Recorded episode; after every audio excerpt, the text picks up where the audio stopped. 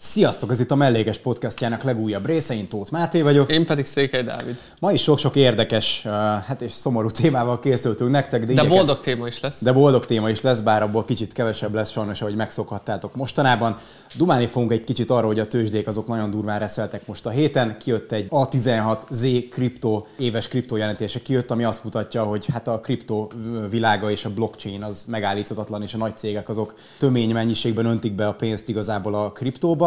Dumálni fogunk arról a magyar vizekre evezve, hogy hát az ástopokat Kicsit olyan, mint a drog, hogy rácsúszni nagyon könnyű, de lejönni róla nagyon nehéz, úgyhogy úgy néz ki, hogy meghosszabbították június végéig, de legalább lesznek ugye kötelező akciók. Aztán dumálunk arról, hogy ha már a múltkori podcastben arról beszéltünk, hogy a magyarok mennyit isznak, hogy most mennyit dohányoznak, és hát nem egy túl boldog statisztika jött, ami egy nagyon fényes jövőképet fest az ország elé. Beszélni fogunk még arról, hogy melyek a leginkább túlfizetetnek gondolt szakmák, és hogy ennek ezzel ellentétben melyik azok, melyik azok a szakmák, amivel tényleg sokat lehet keresni illetve aztán talán egyik utolsó téma, hogy bár az inflációt nagyon unjuk, de egy picit kell arról beszélnünk, hogy még mindig 25%-os az infláció, amit hát azért megmagyaráztak, hogy milyen ügyesen sikerült ezt kisilabizálni, úgyhogy közben gyakorlatilag a világon mindenhol máshol csökken, és az EU átlag inflációja is hát kevesebb, mint a fele.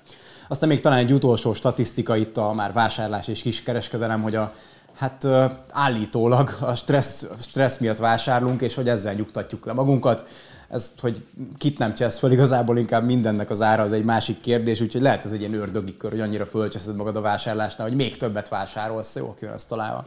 Na, haladjunk igazából a legelső témánkhoz. Dávid, mi volt a helyzet a tőzsdén? Jól emlékszem, hogy nagy reszelés volt, és Nagyon nagy reszelés volt, igen, igen. Tőzsdei egy perces rovat fog újra következni. Tényleg annyira nem történt semmi olyan szempontból, hogy nem volt trendel és nem volt mozgás, hogy igazából szót sem érdemel. Tehát egy ilyen fél százalékos range mozgott kb. az összes nagyobb index. De ott nagyon. Tehát, de ott aztán nagyon mozogtak. És ezzel kapcsolatban meg így annyit, hogy ilyen helyzetben azért jóval nehezebb kereskedni, mert nincsen tiszta irány, hanem egyszerűen tényleg ez a reszelés megy, és hogyha bármilyen grafikon megnézted, mint valami vonalkód úgy néz ki, tehát hogy nincs tiszta irány, megpróbál kitörni felfelé, nem sikerül, megpróbál lefelé törni, nem sikerül, azt gondolod, hogy elindul valami trend, de nem indul el, tehát ez a tipikus esete annak, amikor nagyon jó setupoknak néz ki, viszont ezeknek a nagy része meg nem sikerül. Nyilvánvalóan nem meglep, hogy van ilyen időszak is a tőzsdén, tehát a, azért a volatilitás így a nyár közelettével azért jellemzően leszokott csökkenni, illetve azért az elmúlt mondjuk egy hónapban ez az egész bankszektoros témakör, amit azért itt a podcastban is említettünk, hát elég durván végig söpört a, a piacon, és megmozgatta a különböző részvényeket, meg indexeket. És ezzel kapcsolatban tényleg még annyit, hogy ilyen helyzetben saját kézből, én ezt nagyon jól tudom most tanúsítani, hogy nem feltétlenül érdemes trédelgetni, nem feltétlenül érdemes erőltetni, mert hiába néz ki nagyon jól, ez egy nagyon olyan szituáció lehet, amiben effektíve égetjük a pénzt, nem történik nagy mozgás, tehát egyszerűen egy ilyen nagyon összeszűkült range-ben vagy egy sávban mozog. Tehát és nagyon könnyű újra belépni. Á, nem sikerült, na de majd most. Igen, és se, na de majd most. Így van, és előbb-utóbb persze ki fog törni, meg kisebb időtávon is mozgások vannak, csak lehet, hogy ez mondjuk az negyedik vagy az ötödiknél, és akkor pedig már nem annyira nagy hévvel, meg lendülettel szeretne az ember belépni, mert ugye ugyanaz a setup, ami négyszer működött, lehet, hogy ötödjére ugyanúgy nem fog, vagy fog, de addigra már egy kicsikét elment a kedve, meg a félrólja. Ez, amit az... mondtál, ez a Death by Thousand Cuts. Igen, tehát, hogy nem, nem, nem nagy vesztők vannak, csak annyi sok ilyen kicsi, ilyen idegesítő, és ezért olyan szempontból ezt még szerintem nehezebb is kezelni, hogy nem csinál semmit rosszul az ember, hanem csak egyszerűen nem történik meg. Tehát, hogy ez, és ilyen helyzetek, meg ilyen piaci szituációk elő szoktak fordulni. A, mindig arról azért beszélünk, hogy és nem az, hogy ú, promózok, hogy ú, ezt kereskedjétek, vagy az, hanem nyilvánvalóan a piaci kereskedésnek vannak jobb időszakai, meg rosszabb időszakai, és például személyesen ugye azért a mellékes próbáljuk teljes mértékben hitelesen átadni, úgyhogy én ezt mondtam is meg ott a, a Discordon is, illetve a Freestreamben is mondtam, hogy ez, ez az előző hét, vagy a mostani hét, attól függően, hogy még mikor halljátok és mikor megy ki, ugye mindig az időcsapdába belekeverődünk.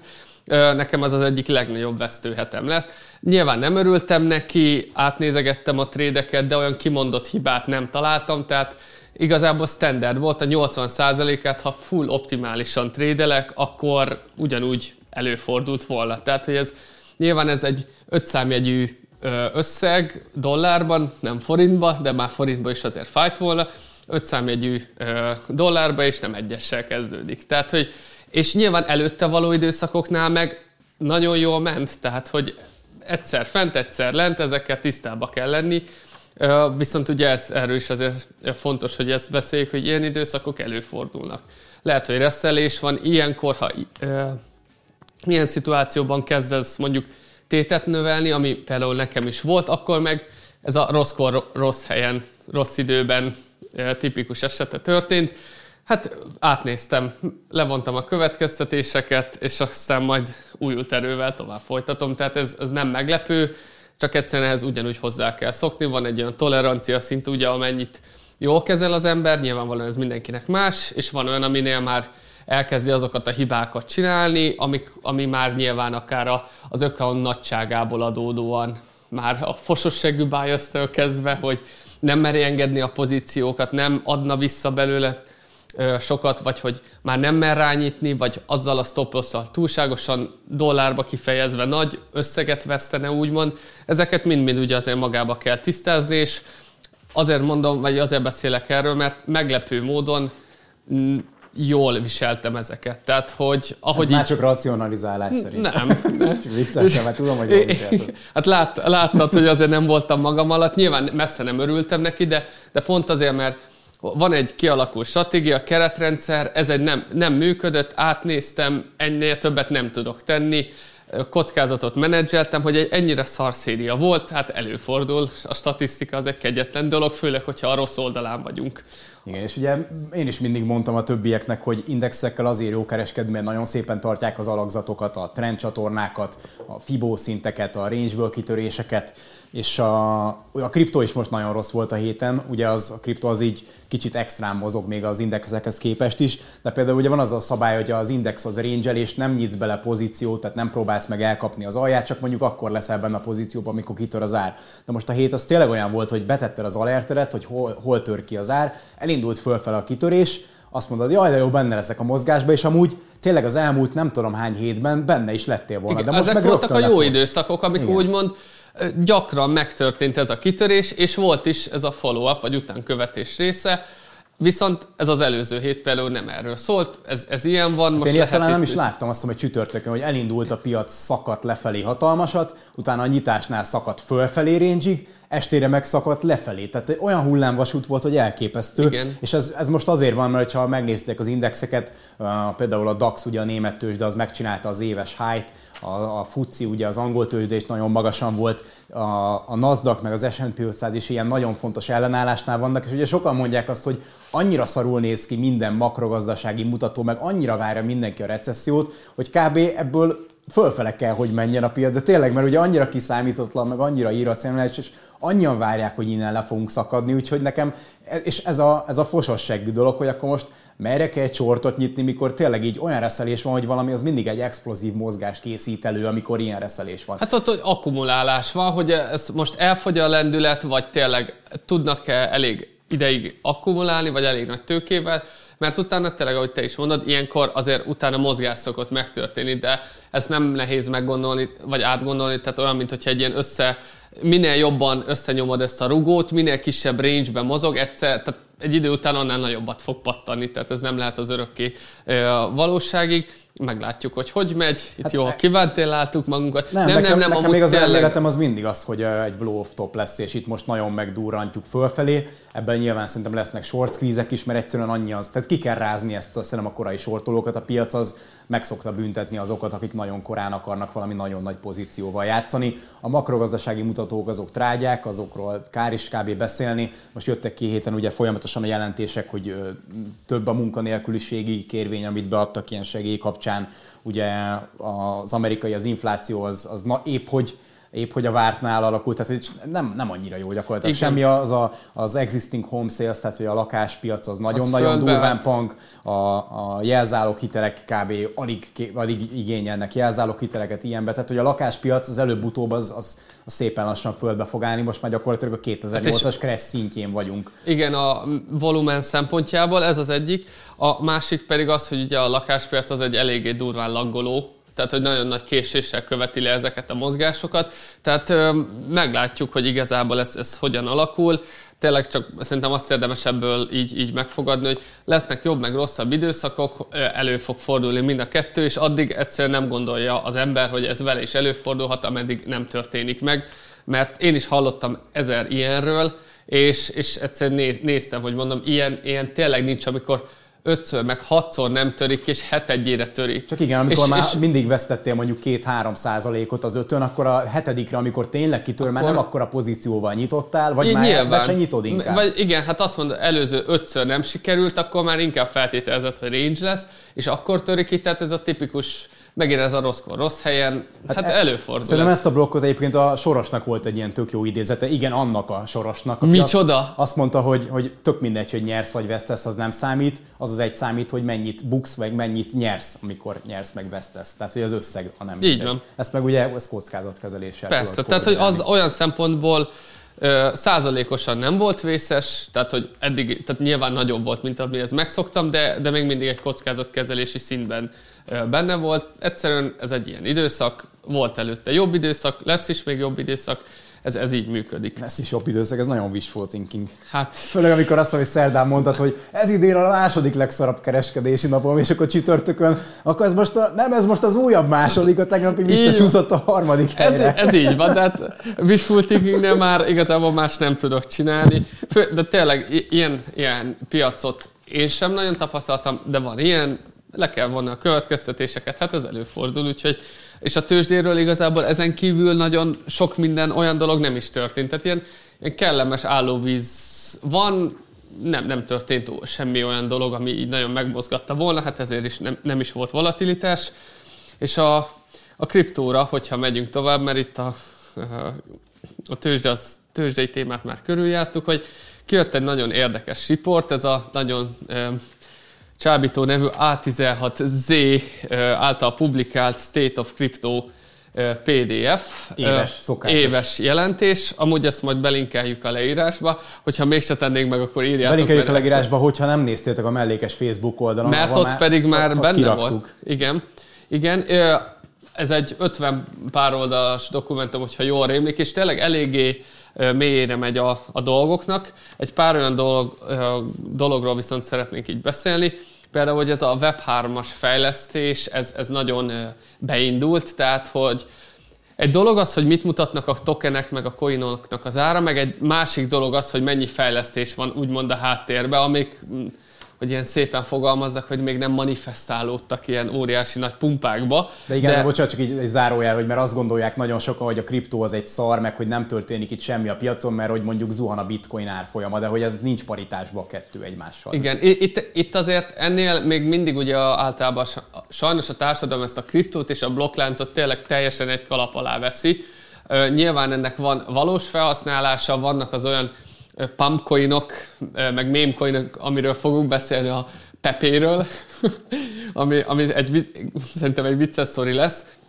De nyilván maga a fejlesztés, ami a keretrendszer, vagy ez a backend, ami mögötte van, az nagyon nagy erőkkel tolják a cégek. Sokkal több Web3-as projekt van, sokkal nagyobb fejlesztői aktivitás van, százalékosan is évről, név, évről évre nőnek a fejlesztők száma. Viszont ami érdekes, hogy nagyon Eddig ugye azért ez Amerika volt, vagy amerikai fejlesztők nagyon durván kiemelkedtek, számszakilag vagy százalékosan, most már azért az ő arányuk is elkezdett csökkenni, tehát ez az ilyen világszintű adaptáció, vagy ők is becsatlakoztak Ugye itt most nyilván elég csak egy, egy Kínára gondolni, vagy hogyha... Hát igen, Kínában ez... bannolva van a kriptóval kereskedés, de hogy rengetegen fejlesztenek ott. Tehát, hogy azért ez a mit mutatok, meg amúgy mit igen. csinálok. Ez az... a bannolva van, nem kéne, de azért, hogy ha már itt vagyunk, akkor de igen, és ugye azért nagyon sok például ugye hekkelés is történt Észak-Koreához köthetően, ami ott is nyilvánvalóan a kriptó az egy ilyen utopisztikus gondot, mondjuk az egész ország az, de az egy ja, másik kérdés. az egyetlen egy számítógépet is, ez Lazarus Group használja arra, hogy hackeljen. Igen, és ott nem kell itt pro, ö, problémázni rajta, hogy a login Lazarus, tehát hogy ne, itt, itt az mehet így, így teljesen ö, legálisan. Amit még itt ugye elkezdtek ecsetelni és nézni, hogy nagyon sok probléma volt az elmúlt időszakban, elmúlt egy évben a kriptóba. Ugye nyilván most a legnagyobb csődöket említésétől kezdve ugyanúgy a hekkelések száma, mértéke dollárba kifejezve, ezek azért elég durván megrángatták a, a kriptópiacot. A, azért a DeFi, illetve az NFT irányvonalon is elég nagy volumen csökkenés volt. Ez kéz a kézbe jár azzal, hogy milyen a gazdasági környezet. Tehát nyilván az emberek, amikor látják ezt az emelkedő inflációt, bizonytalanabb környezet, környezetet, akkor nem szeretnének egy 600 ezer dollárért venni egy követ ábrázoló NFT-t nyilvánvalóan, meg a nem tudom hány millió dollárért a Jack Dorsey-nak, a Twitter alapítójának a lementett NFT-s megoldását. Ez, tehát, hogy ez azért megint nem egy meglepő dolog, de ezzel is azért jó tisztában lenni. Illetve ami most elég aktuális téma, ez a szabályozások köre, vagy jogköre elég sok, ugye Amerikáról is beszéltünk már itt a Futuresről, a Binance irányából, hogy miket kapnak, vagyis a Binance miket kap az amerikai szabályozás irányából, illetve azért az Európai Unió is most itt elkezdődött, hogy valami De az jogi... EU, EU az pro-kriptó, tehát hogy Igen. A, itt még végén tényleg az lesz a világon, hogy az USA az bannolja a kriptót. Igen, de hogy meg... maga a szabályozás irányvonalán elindultak, az, hogy milyen, hát ugye Amerikáról aztán valamelyik szenátor, vagy két-három ezelőtti pot, részsel ezelőtti podcast. Igen, az antikriptó army, tehát ez, ez a kampány szlogene.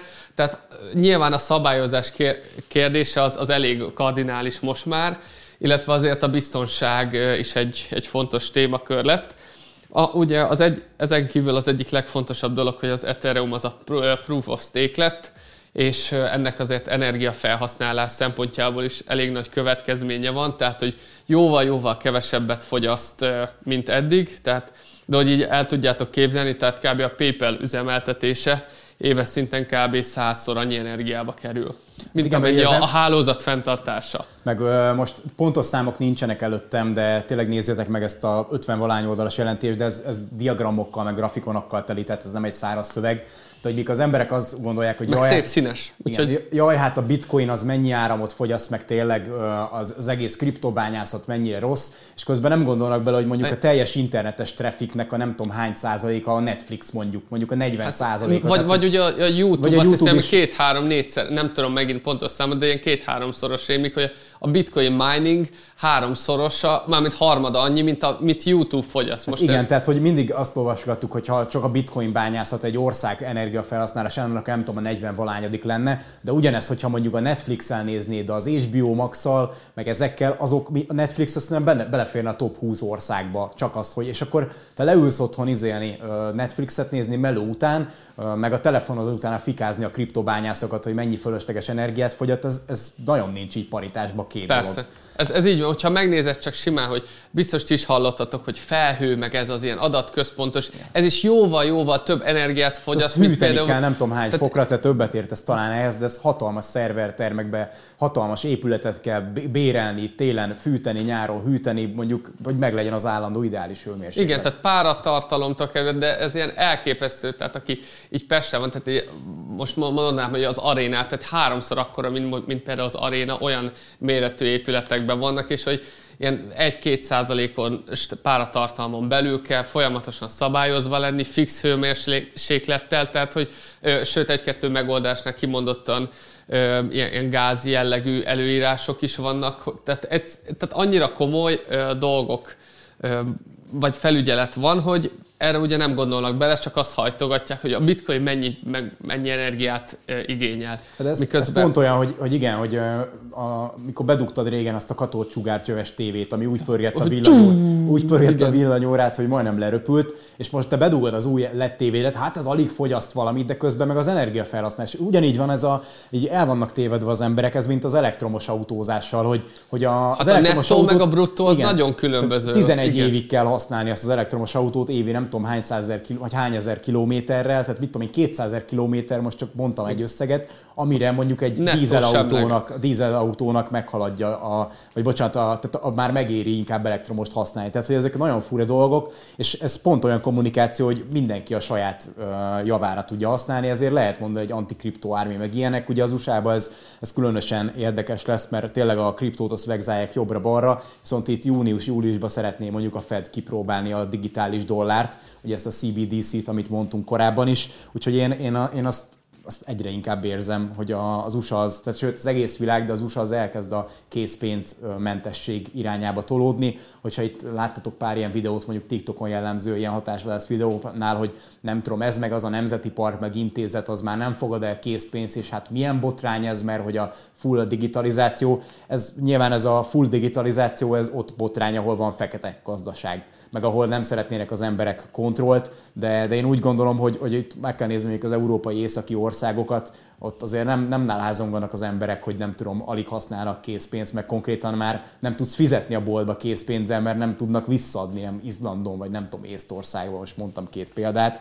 Úgyhogy ez egy érdekes dolog lesz, hogy, hogy tényleg elindulunk ebbe az irányba, de az biztos, hogy a szabályozások kellenek, mert amilyen vadnyugat volt itt, és majd mindjárt majd beszélünk mondjuk a Pepecoin kapcsán, hogy még mindig vadnyugat van nagyon sok helyen. Az EU egyébként nagyon fontos dolgokat tesz. Most volt egy, egy ilyen szabályozási tervezet, egy ilyen gyűlés, és tényleg úgy néz ki a világ gyakorlatilag, hogy az EU, EU az lesz a pro-kriptó fellegvár, én ezt adnám, mert ugye Dubájnak is ez volt a nagy terve, hogy bár kevés az olaj, akkor a turizmus már nem elég, akkor legyünk üzleti központ, nem, nem véletlenül van ennyi kriptós scam projekt sajnos ott. Scam központ Scam központ, igen, de, mert hogy, igen. de EU-ban milyen jó lenne, hogyha EU az EU lenne a világnak az ilyen kriptoprojekteket támogató uh, régiója. Szerintem ez... Szép utopisztikus gondolat, megnézzük, hogy majd hogyan fog ez valójában kinézni. És, és ezzel még annyi volt, hogy nagyon sok ilyen Web3 játék fejlesztése is, is megtörtént, tehát hogy ugye ami jellemzően nagyon nagy piac a különböző videójátékoknál az ilyen skinek, ilyen extra olyan tartalmak, amelyek úgymond nem adnak plusz dolgot, meg lehetőséget és plusz pontokat az embereknek, meg plusz tulajdonságokat, hanem csak máshogy néz ki. Ugye azért erről az ilyen lootboxolásról, meg a random ilyen vehető dolgokról azért nagyon sok országban már be is van tiltva, mert egyszerűen ez egy gambling jellegű szolgáltatás. De, de az, az de... a durva, hogy kriptóval be van tiltva az egész, de hogyha most fölmész mondjuk a League of Legends-ról, pénzért tudsz venni ilyen Igen. pontokat, RP-t, meg mondjuk a, a Cségóba, hogyha melyen klasszikusokat kell említeni. Igen. Tehát az oké, okay, hogy pénzért veszel, hogy dobozokat, meg ládákat nyitogas, de hogy ezt kriptóval megcsinálni, az meg gambling. Na, na, az, az vesz, ez de veszélyes. Ezt, ezt meg ugye sokszor beszéltük, hogy egy kriptoprojektnél azt érdemes figyelni, hogy ha amúgy nem kéne token, de csináltak token csak azért, hogy elmondhassák, hogy Ahogy legyen token. ott azért mindig gyanús, hogy ez csak spekulatív célral készült. Tehát, hogyha most képzeljétek el, hogy maradjunk a League of Legends-nél a mindenkinek a kedvenc idegnyugtató játékánál. Hogyha... Neked is főleg? Á, nem, most lejöttem róla, mert hál' Istennek a kezem miatt nem tudtam 6 játszani, sokkal kisimultabb is vagyok, de hogy képzeljétek el, hogy ott bevezették, hogy holnaptól kezdve kriptó alapon menne, az semmi másra nem lenne jó, csak hogy a spekulánsok manipulálják az árfolyamot. Mert amúgy most is működik a rendszer, ha ezt holnap, és egy csomó projekt csinálta ezt, hogy amúgy nem kéne token,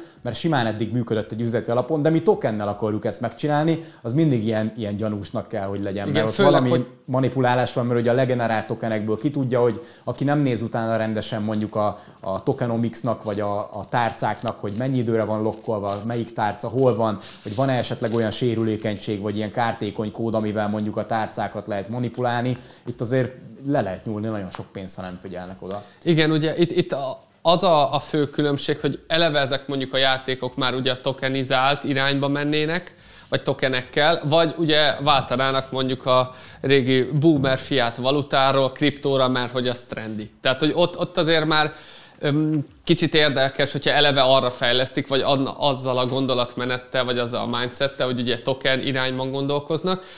És itt, amit én még felírtam, hogy van ez a play to earn, ami tavalyi évben azért elég nagyokat ment, elég csak mondjuk a, a X-is álmokfutásról beszélni, vagy a, a Steppenös GS, TGMT párosról. Álmok futás, mondjuk az tényleg futás. Az tényleg futás volt. Mondjuk az hát, biztos... Emlékszem még a szép napokra, amikor egy két szigetkörrel 100 ezer forintnak én, megfelelő dollárokat lehetett keresni? Én, én mondom, hogy annó májusban én 250 kilométert futottam úgy, hogy az, azt megelőző hónapban kb. nem futottam. Tehát, hogy az biztos, hogy megvolt az a motivációs tényezője, de az biztos, hogy ugye annyira olyan tokenomics volt, ami, amelyek nem fenntartatók, és hiába mondják ez, hogy de ez nem olyan lesz, mint az, el, az előző volt, narrátor, de olyan lett, mint amilyen az előző. Igen, tehát, tehát a tokenomics ez ezért nagyon fontos. Én nem egy embertől hallottam ezt, hogy a, a, írtak rám, hogy mit csináljanak, mert hogy a Nexon például lekötötték az AX, AX-ezt, ugye Igen, az ami ugyanígy 120,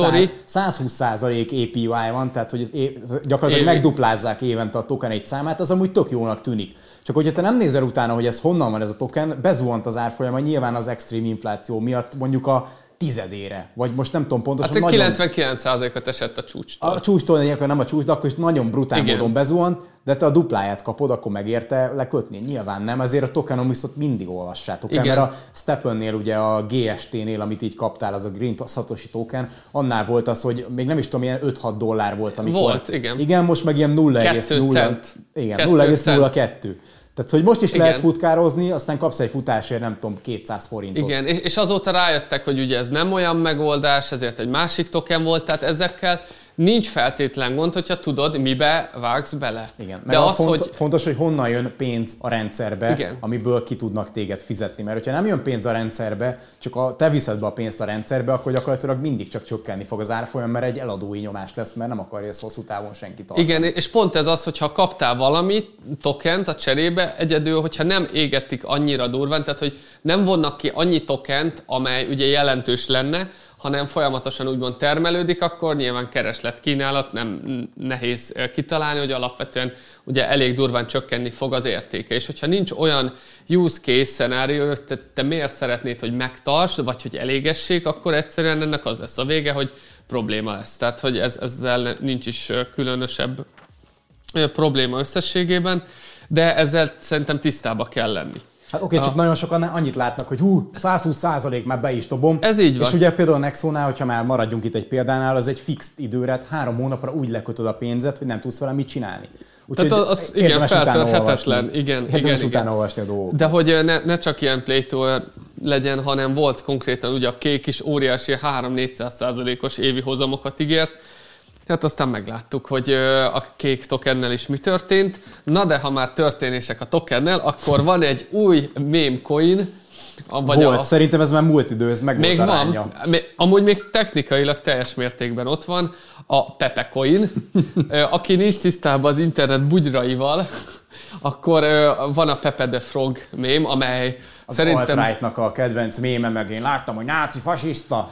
Ez, ez, ez így van, és Amúgy van egy-kettő jó pofa, meg van egy-kettő ilyen full alt-rightos a felhasználása is, de ez a lényeg, ezt a mémes irányvonalat próbálták meglovagolni, és hogy mennyire viccesek legyenek, hogy jelenleg 420.69 billió token van a forgalomba, tehát ez azért ilyen nagyon vicces szám, vicces szám XD. Fű tehát, és szex. igen, igen, és akkor 16 évesek valami forkot itt megcsinálták, hogy na mennyi legyen, és akkor ezzel jól megmutatjuk. Mm, hát végül is az eredmény eddig értünk az, beszél. Az magáért És beszél, vasárnap óta 21 ezer százalékot nőtt. Ah, csak hogy kontextus, tehát egy hét alatt. Egy tehát hét alatt. most is vasárnap van, amikor beszélgetünk, 21 ezer százalék, ami az, az 2100 szoros, vagy nagyon 210 210 szeres, bocsánat. Igen, tehát azért nem egy, tehát hogy olyan, például volt olyan, egy, egy adreszt láttak, vagy egy walletet, hogy 250 dollárért vett, és jelenleg az 2 millió dollár környékét ér. És ez milyen jó lenne, hogyha hogyha, ki tudná venni? Hogyha ezt ki tudná venni, igen, mert, mert ilyenkor érdemes megnézni azt, hogy mondjuk a liquidity pool, hogy ezek úgy működnek, hogy van egy pool, ahol ilyen arányosítva van benne, hogy nem tudom milyen párban van ez most pontosan, de szerintem ez, ez Binance Change vagy Ethereum-os? Nem tudom Tök, pontosan. Nem tudom most én, tehát nem ástam bele De magam. ez a DEX-en van, tehát hogy ne, ez nem konkrétan kereskedhető Binance Futures-on, tehát nem erről Igen, van igen, szó. tehát van egy liquid, liquidity pool, úgy hívják, ahol be van dobva a token, meg a tokennel párba lévő uh, valami, amivel tudod kereskedni. Ugye van, ahol ez BNB, van, ahol ez BUSD pár, van, ahol USDT, azért mondom, itt nem tudom pontosan micsoda, és ebben összesen 3 millió dollárnyi van. És ugye ez gyakorlatilag az automated market maker, ként működnek ezek a liquidity poolok, ami azt jelenti, hogy ha valaki el akarja adni egyszerre a 2 millió vagy a 2 millió dollárt, jelenleg 2 millió dollárt érő 5,2 T, vagy 5,9 T, tehát 5,9 billió Pepe tokenjét, az beleborítaná mindet a liquidity poolba, hogy kivegye onnan a, az annak ekvivalens dollárt, akkor az árfolyam az brutál módon bezuhanna, mert ugye gyakorlatilag itt nem order bookok vannak a dexeken, hanem az ilyen liquidity pooloknál, a, tehát automatic market maker alapján a kettő a kettő eszköznek az arányából adja ki az árat. Tehát gyakorlatilag ez papíron nagyon gazdag a gyerek, de ha beleönteni az összes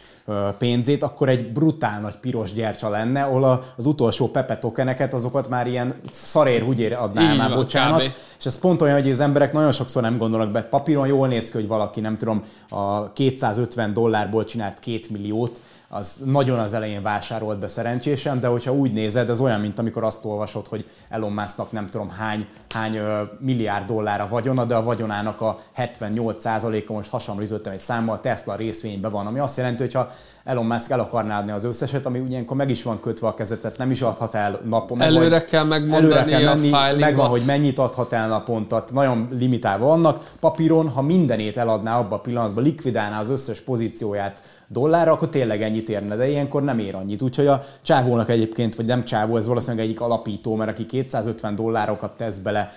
Én láttam ilyen, ilyen wallet trackert, hogy itt az elején azért voltak olyan mozgások, hogy, hogy pont egy időpontban tettek bele 100, 150 meg 200 dollárokat, tehát ilyen kb. másodperce pontosan ez valami botosztott szét külön walleteknél, és ha jól tudom, akkor ugyanez a, ez az ember több mint 10 valány százalékát birtokolja az összes Pepe tokennek, akinél van ez a 250 dolláros tárca is. Ipari mágnás, Pepe Tehát mágnás. Ő egy Pepe, Pepe mágnás, de ő nem, ha el akarná adni az összesét, akkor gyakorlatilag a, úgy bezuhanna az árfolyam, mint az állat, és ezeknek a meme tokeneknek ez pump and dump, ugye nincsen semmi célja gyakorlatilag. Tehát hogy ennek konkrétan is, mert az, hogy most például ott van a Dogecoin, amiről ugye már beszéltünk. De a Doge is i- volt ilyen, tehát a igen. Doge most már van Doge, chain, de hogy régen a Doge is ilyen volt, meg a Shiba is ilyen volt, csak És amíg nem kett, ugye ez az Elon Muskos sibás irányvonal, kutyás irányvonal, twitteres dolgok nem jelentek meg, meg ugye erről lesz szó, meg volt ez a Saturday Night Live-os, hogy ú, egy dollárig fel fog spike stb. stb.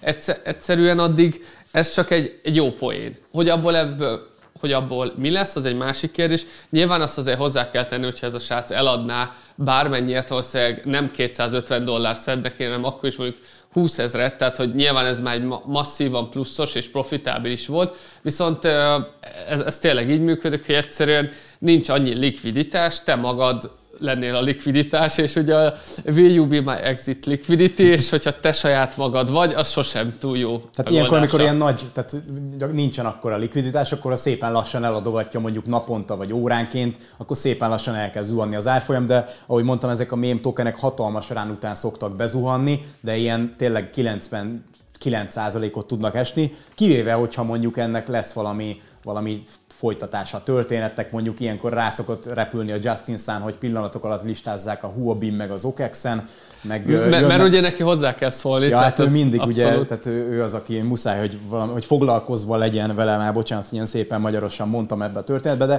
de aztán látjátok, hogy igazából a, a dózs is volt még csak ilyen dexeken nagyon korán, a kutya nem foglalkozott vele, már bocsánat a szó viccér, de hogy amikor mondjuk Binance-re elkezdték listázni, és tényleg utána kijött, hogy Elon Musk is felkarolta a, mondjuk az alapítókat, és aztán utána megcsinálták azt, hogy, hogy ugye Dós Chain is van, aztán ilyen volt a Sibával, utána aztán volt a Floki is, tehát ki tudja, most a Pepének lehet volt ez a nagy ránya, lehet, hogy beszakadt 99%-ig, aztán onnantól kezdve csak a csapaton, meg a közösségen, meg a fejlesztőkön múlik, mert lehet, hogy utána még fölmegy sokkal durvábban. Tehát ezért ez úgy mindent elmond a piacnak az állapotáról, hogy ez a, az ilyen meme tokenek mindig akkor repülnek egy nagyot, amikor amúgy semmi nem történik a piacon. Hát mert ez végre ez az inge, jön a dopamin rush legalább. Az elmúlt két hétben tényleg semmi nem történt a kriptopiacon, a BTC az reszel gyakorlatilag ilyen 28 és 31k között össze-vissza, és mindig ilyenkor a, ez a sok unatkozó ember, az valami, valamit próbál keresni, hogy meglegyen a dopaminres.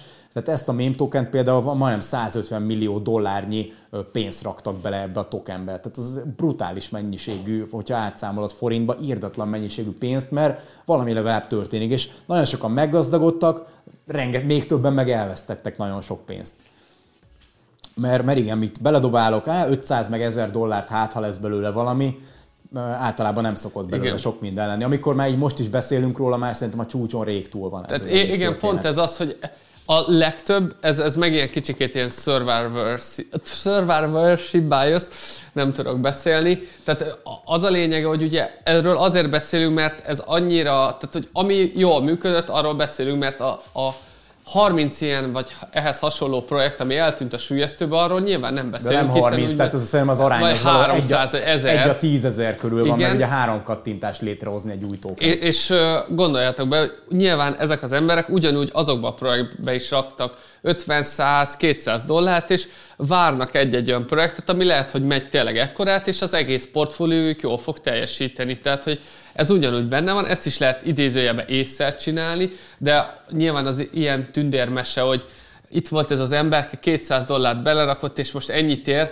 Nem, ez az ember 250 dollárt belerakott még 55 másik projektbe, amik meg lenullázódtak, és ugye olyan is van, hogy a liquidity poolban nincs likviditás. Tehát, hogy konkrétan nem, nem tudod eladni, senki nem jelentkezne érte. Jó hát igen, meg amint beleraknának valamit, a botok rögtön Az egyből kiszedik, igen. Hát e- ezért lehetett ilyen talán két hete volt, hogy ö, ilyen pár dollárért sikerült ilyen több százezer dollárt váltani, pár dollárnyi Ethereumért, mert ott is, ott is valami elcsúszott, tehát ezekre azért figyelni kell, de sok sikert a Pepecoinnak a továbbiakban is, úgyhogy... Igen, és talán legyen ez a take home message, hogy nagyon vigyázzatok az ilyen mély tokerekkel, mert tényleg amikor eljut hozzátok a hír, hogy már ennyit ment, akkor általában már az exit liquidity-t keresik a legtöbben. És ne jelentkezzetek önként azért, mert nem lesz túl jó vége. De ha sok pénzetek van, amit el akartok égetni, akkor lelketek rajta, akkor hajrá, hajrá. Nem, úgyhogy csak óvatosan, és do your own research.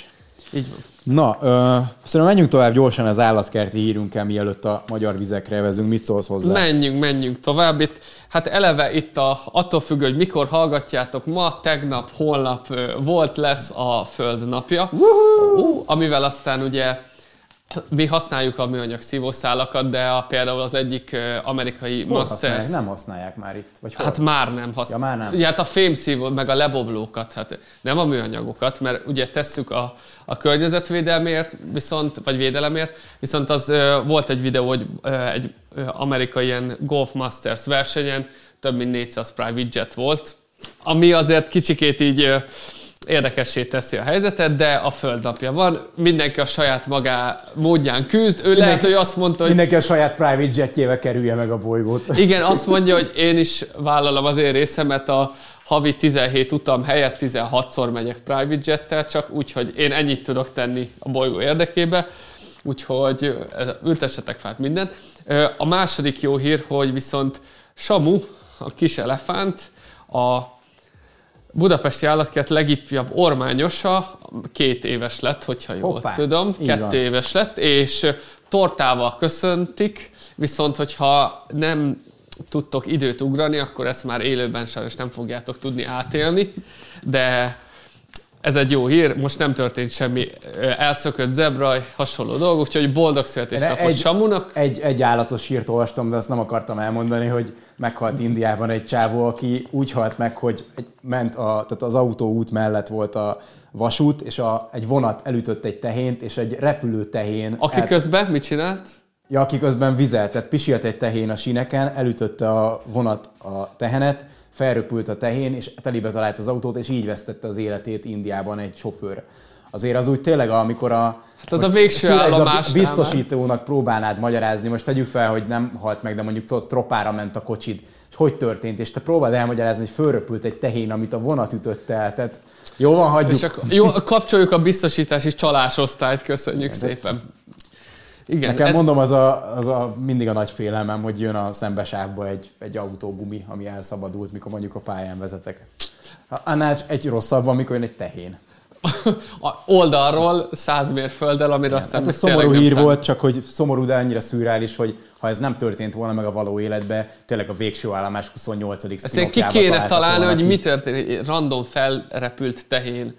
Na de, ennyit a, az állatkertes állatos hírekről, és menjünk tovább a magyar irányvonalra, ahol hát ugye az inflációról beszéljünk egy, egy pár szót, ugyanis hát az a helyzet, hogy nem az én szavaimmal mondjam, de az, a lényeg az, hogy letörtük az inflációt, csökkentjük. Woo! a óriási irányvonal, vagy óriási trend látszik az elmúlt hónapokban 25,7 helyett 25,4, illetve 25,2 már, tehát konkrétan fél százalékot sikerült lefaragni. Ami, Kataklizmikus csökkenés. Igen, amit azért legnagyobb jó indulattal is csak mondjuk egy kerekítési hibának lehet nevezni, vagy éppen jókor akcióztak le valamit, de majd az akciókra szintén beszélünk majd.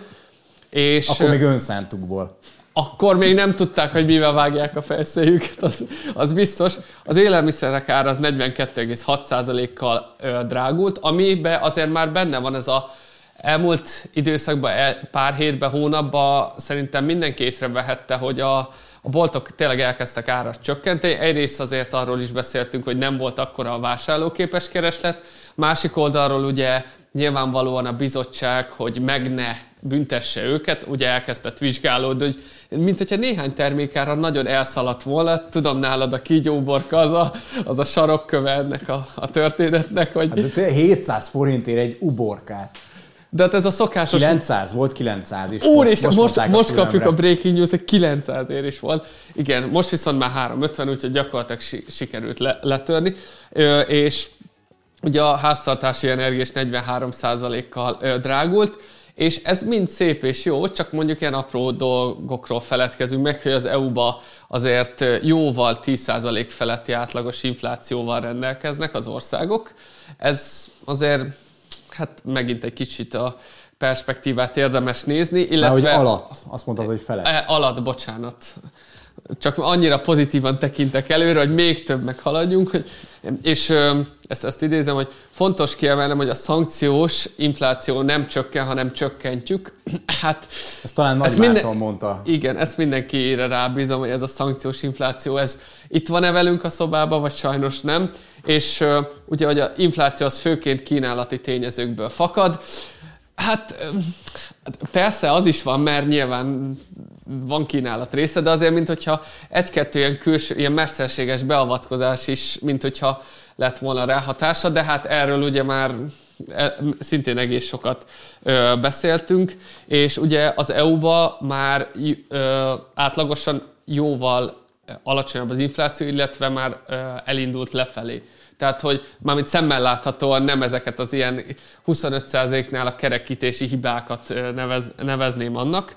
Viszont, hát ugye az árstopok meg vannak, meg vannak hosszabbítva. Erre azért nem sok pénzt tettem volna, ezt őszintén bevallom. Én Ez... tényleg azt reméltem, hogy azért, oké, hogy a húsvét kibírtuk, legyen április 30, de azért csak legyen már vége, és nem. Miért legyen vége? Hát működnek. Ott van, hogy 0,2%-ot az előző hónaphoz lefaragtunk. Tehát, hogy azért ez egy tényleg megint árcsapokról már nem fogunk beszélni, már mindenki ezzel kelt, feküdt az elmúlt időszakban, mindenki tudja, hogy miről van szó. Értelmetlen, egy hát nem is tudok igazából több mindent mondani róla. Szóval igen, túl ez, sokszor kibeszéltük, az ez, meglepő, hogy most június 30 ugye meghosszabbították. De miért hagyjuk abba? Igen, ezt mondom, hogy ez már tényleg, amit beszéltünk, Utána... ez, a, ez a drogos szint. Akkor most már, most már ez a bevezetni nagyon könnyű, de kivezetni nagyon rossz. Akkor júni 30, akkor már mindjárt jön az iskola kezdés, akkor legyen szeptember 30, de akkor de már, hát akkor már karácsonyig karácsony, lehet. Akkor de január, mégse vezessük ki december 31-én, akkor legyen jún, január 30, de akkor már mindjárt itt a húsvét és pikpak egy újabb ével ment át. Igen, viszont a legújabb kreálmány, ugye ez a kötelező akciózás lesz, amit amit egyszerűen már, már azt mondod, hogy nem, nem lehet mit kitalálni, és ez a, az a fajta hozzáállás, hogy amikor már effortot kell belerakni abba, hogy elbasz valamit jobban. Tehát, Igen. hogy ez már nem jön magattól, hogy így, hanem így le kell ülnöd és gondolkozni kell, hogy hogy ez lehetne nem elég, még? Ez nem, ez, nem. egy asztal, ez nem elég nagy fasság, ez, még ötleteket akarok. Igen, ez pont ez, és valaki mond valami hülyeséget, és a többiek elkezdenek arra így ráépíteni, és mondjuk három-négy ilyen lépés után eljuttok erre a szintre, és azt mondják, hogy na, kötelező akciók lesznek. És így van, kötelező akciók, 20 kategóriába kell majd sorolni a különböző termékeket, tehát teljesen standard húsok, zöldség, nincs meglepő dolog ebbe. És mindig egy terméknek akciósnak kell lennie, és ezt úgy kell elérniük, hogy az elmúlt 30 nap átlagos áránál minimum 10%-kal olcsóbbal kell, hogy megvásárolhatóak legyenek, és ezt hetente kell megtenniük az áruházaknak. Nyilván ez most már akinek kettő darab IQ vagy agysejtje is van, ő tudja, hogy ez valószínűleg mit fog okozni. Előtte lesz árnövelés, valójában eh, nem lesz ennek csökkenő tendenciája, tehát miért is lenne.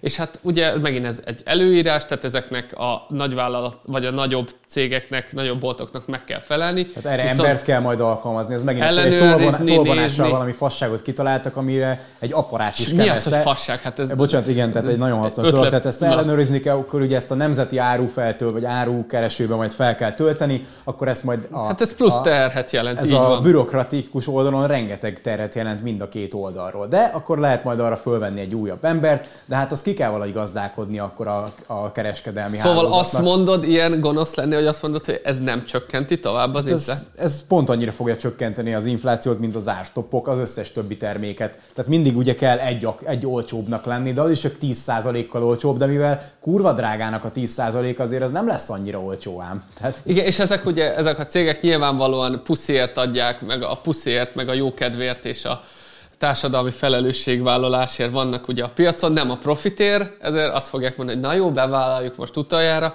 vagy azt fogják mondani, hogy jó, hát akkor ezeket emeljük, ez így lesz, megfeleljük, aztán oldjátok meg, ahogy szeretnétek. Ez, ez így van, szóval az inflációra adott válaszok működnek. Meg az is egy nagy kérdés, hogy mennyi lesz abból az akciós termékből, hogy az már 6 óra 01-kor már egymást verik agyon az emberek azért a 58 forint A King of the Hill rendszerbe lehet hozzájutni. És igen. A, igen, majd meg lesz az tényleg, hogy mit tudom én, egy marék rist vehetsz majd lassan tényleg az olcsóból. De előbb-utóbb szépen lassan eljutunk oda, tehát azért meg lehet nézni, hogy, hogy olyan intézkedések voltak, ugye volt itt a nemzeti tüzéppel kapcsolatban már 5 éves terv volt, utána volt ugye határ, vagy árstopos, hát tényleg itt most már lassan legyen az akkor, hogy jegyre van az élelmiszer, és akkor, akkor nem, legalább nem fogy el. Tehát a jegy, jegyrendszernek ez volt az egy előnye, hogy legalább az nem fogyott el, mert ugye annyi jegyet adnak el, de hogyha már úgyis csak nyomtatni kéne egyet, akkor lehet, Mindjárt abból... megkapjuk, hogy majd ilyen kommunisták, meg szocialisták vagyunk, hogy ilyen. De nem mi vagyunk mondod... ez a világ sajnos, tényleg így néz ki. Hát nyilván a, maga az irányvonal, vagy a, ami felé tendálunk, az nem egy túlságosan szép és prosperáló jövőképet fest elő, legalábbis nem az átlag ember. Hát akkor azt mondod, hogy dolgos népünk nem fog győzni? Újjaj, nem merek ilyet mondani még. Úgyhogy ez egy elég érdekes dolog, majd meglátjuk azért a, rész, a részleteket. A... Most mondták a fülemre, hogy ártopos termékekből csak hármat lehet venni? Igen. Jó, lehet, hogy a kötelező akciósból csak más felet tudsz majd venni. Tejből. Tejből. Ajjaj, hát itt, ez viszont már mindent megváltoztat akkor. Viszont, hogyha így... Igen, itt... mert vásárlásonként egy három darab tej nem elég. De hát mi? hogy Kleopátra itt azt üzeni, hogy ő, neki elege van, és hogy ő tejbe szeretne fürödni. Valóban, aki tejbe szeretne fürödni minden nap, az gátolhatja a zártopos korlátozást, de én úgy gondolom, hogy... Na egy... itt volt elég ebből, eddig bírtam. Igen, de ha már Kleopátra, akkor csak ez egy side note, hogy ugye a Netflixes adaptáció, és, és Ú, meg... ne kezdjük el azt a vonalat. De azt csak így zárójelben mondom, hogy ugye, hát Kleopátra ugye eleve az egyiptomi származása ugye görög felmenőkkel rendelkezik, hogyha jól tudom, illetve a bőrszíne sem az, ami valójában volt. Nyilván kicsit túlságosan ott megint a méter eltekerődött. Szerintem csak annyi, hogy nem ismerte jól a történelmet a, a script írója, és úgy volt vele, hogy Kleopátra, Egyiptom, hm, hol van Egyiptom? Afrikában. Kik laknak Afrikában? És Fair boom, point, lett a Fair. De a legjobb az, hogy ö, az egyik ilyen bevágás, hogy már pedig ö, bárki, akárki vagy bárki, akárki, akármit mondhat, Kleopátra fekete volt. Tehát, hogy ezzel nem, nem tudsz vitatkozni. Tehát Ez az, most hogy jött a teljes árstopból? Hát, hát a, te kezdted a teljes fürdetést. Ja, tényleg, bocsánat, igen. De hogyha már ennyire szeretnénk vásárolgatni bizonyos dolgokat, akkor menjünk tovább is, hogy a stressz vásárlás az igenis az egy komoly faktor, mert egy-kettő ilyen kis kutatás elkezdte vizsgálgatni azt, hogy tényleg van ez a stressz vásárlás nevű szindróma, amely azzal azonosulható, hogy gyakorlatilag feszültnek érzed magad, és akkor te amúgy is megérdemled, neked is amúgy nehéz heted volt, sok minden történt, ezért itt, itt az ideje annak, hogy kicsit vásárolgassunk. Ez a csajos mém, hogy az erős nők azok shoppingolni mennek, nem izé nem, vagy nem, vagy nem sírnak hoppá, meg nem terapeutát keresnek, meg nem javítani akarnak, meg önvizsgálatot tartanak, hanem mi shoppingolunk. Igen. De és azt mondja a tudomány, hogy ez létező jelenség. Ez, ez így van, és hogy az emberek kb. 15-30%-a rendszeresen jutalmazza magát vásárlással, tehát hogy ez nyilván ez egy jutalmazási mechanizmus. Vehet és három darab tejet. Hát a mostani árak, igen, azért nyilván nem ferrari szoktak az emberek így, ezt megérdemlem, ezért megveszem ezt a hármat és válságos időben, ami fu, ugye kicsit ellentmondó, hogy válságos időben, amikor az embereknek kevesebb pénze van, akkor ezt jobban és gyakrabban teszik meg, illetve nagyobb értékűeket vásárolnak. Tehát hát, amikor... érted, hogyha belegondolsz, akkor a kevesebb pénzből az ugyanolyan jutalom, az nagyobb ö, jutalomnak számít. De kevesebb pénzből drágább dolgot véve, meg e- Még az nagyobb. exponenciálisan nagyobb endorfin, meg mindenfajta termelést indít be, és megint nem, le, nem meglepő módon, ez nem a felső pár százaléknak a, a szokása, hogy így vásároljanak, hanem általában a kevésbé pénzügyi mű, vagy kevésbé pénzügyileg művelt embereké. Hú, de szépen és mondtad, hogy kevésbé pénzügyileg művelt. Ez... Már bele, bele is akadtam. És nyilván itt azért nem kell összetéveszteni a funkcionális vásárlást, tehát amikor tényleg valami dologra szükség van, versus az impulzus vásárlás, amiről ugye nagyjából Igen, most szükség is... van az a 68. pár cipőre. Mondjuk a cipőt azt meg tudom érteni. De tényleg, de... mert a cipő más vagy. Igen, de a, a többi uh, dolgot azért nyilván itt ez megint racionalizálás, tehát hogy ugyan nincs szükség, de azért egy értelmes skálán lehet ezen mozogni. Én már nem ott vagyok. És amúgy az életkorral együtt csökken a stressz vásárlási kedv. De ez teljesen jó, hogy van ilyen, hogy stressz vásárlási kedv, ez, ez mint egy fogalom létezik. Úgyhogy ezek, itt ez a vásárlással volt még így kapcsolatos. Úgyhogy melyik legyen a következő téma? Hogyha... Szerintem dumáljunk a szakmákról, az nagyon érdekes, hogy melyik azok a szakmák, amik az, az emberek azt gondolják, hogy, hogy nagyon sokat keresnek, közben pedig általában azok keresnek a legtöbbet, akiről nem gondolják. Igen, igen.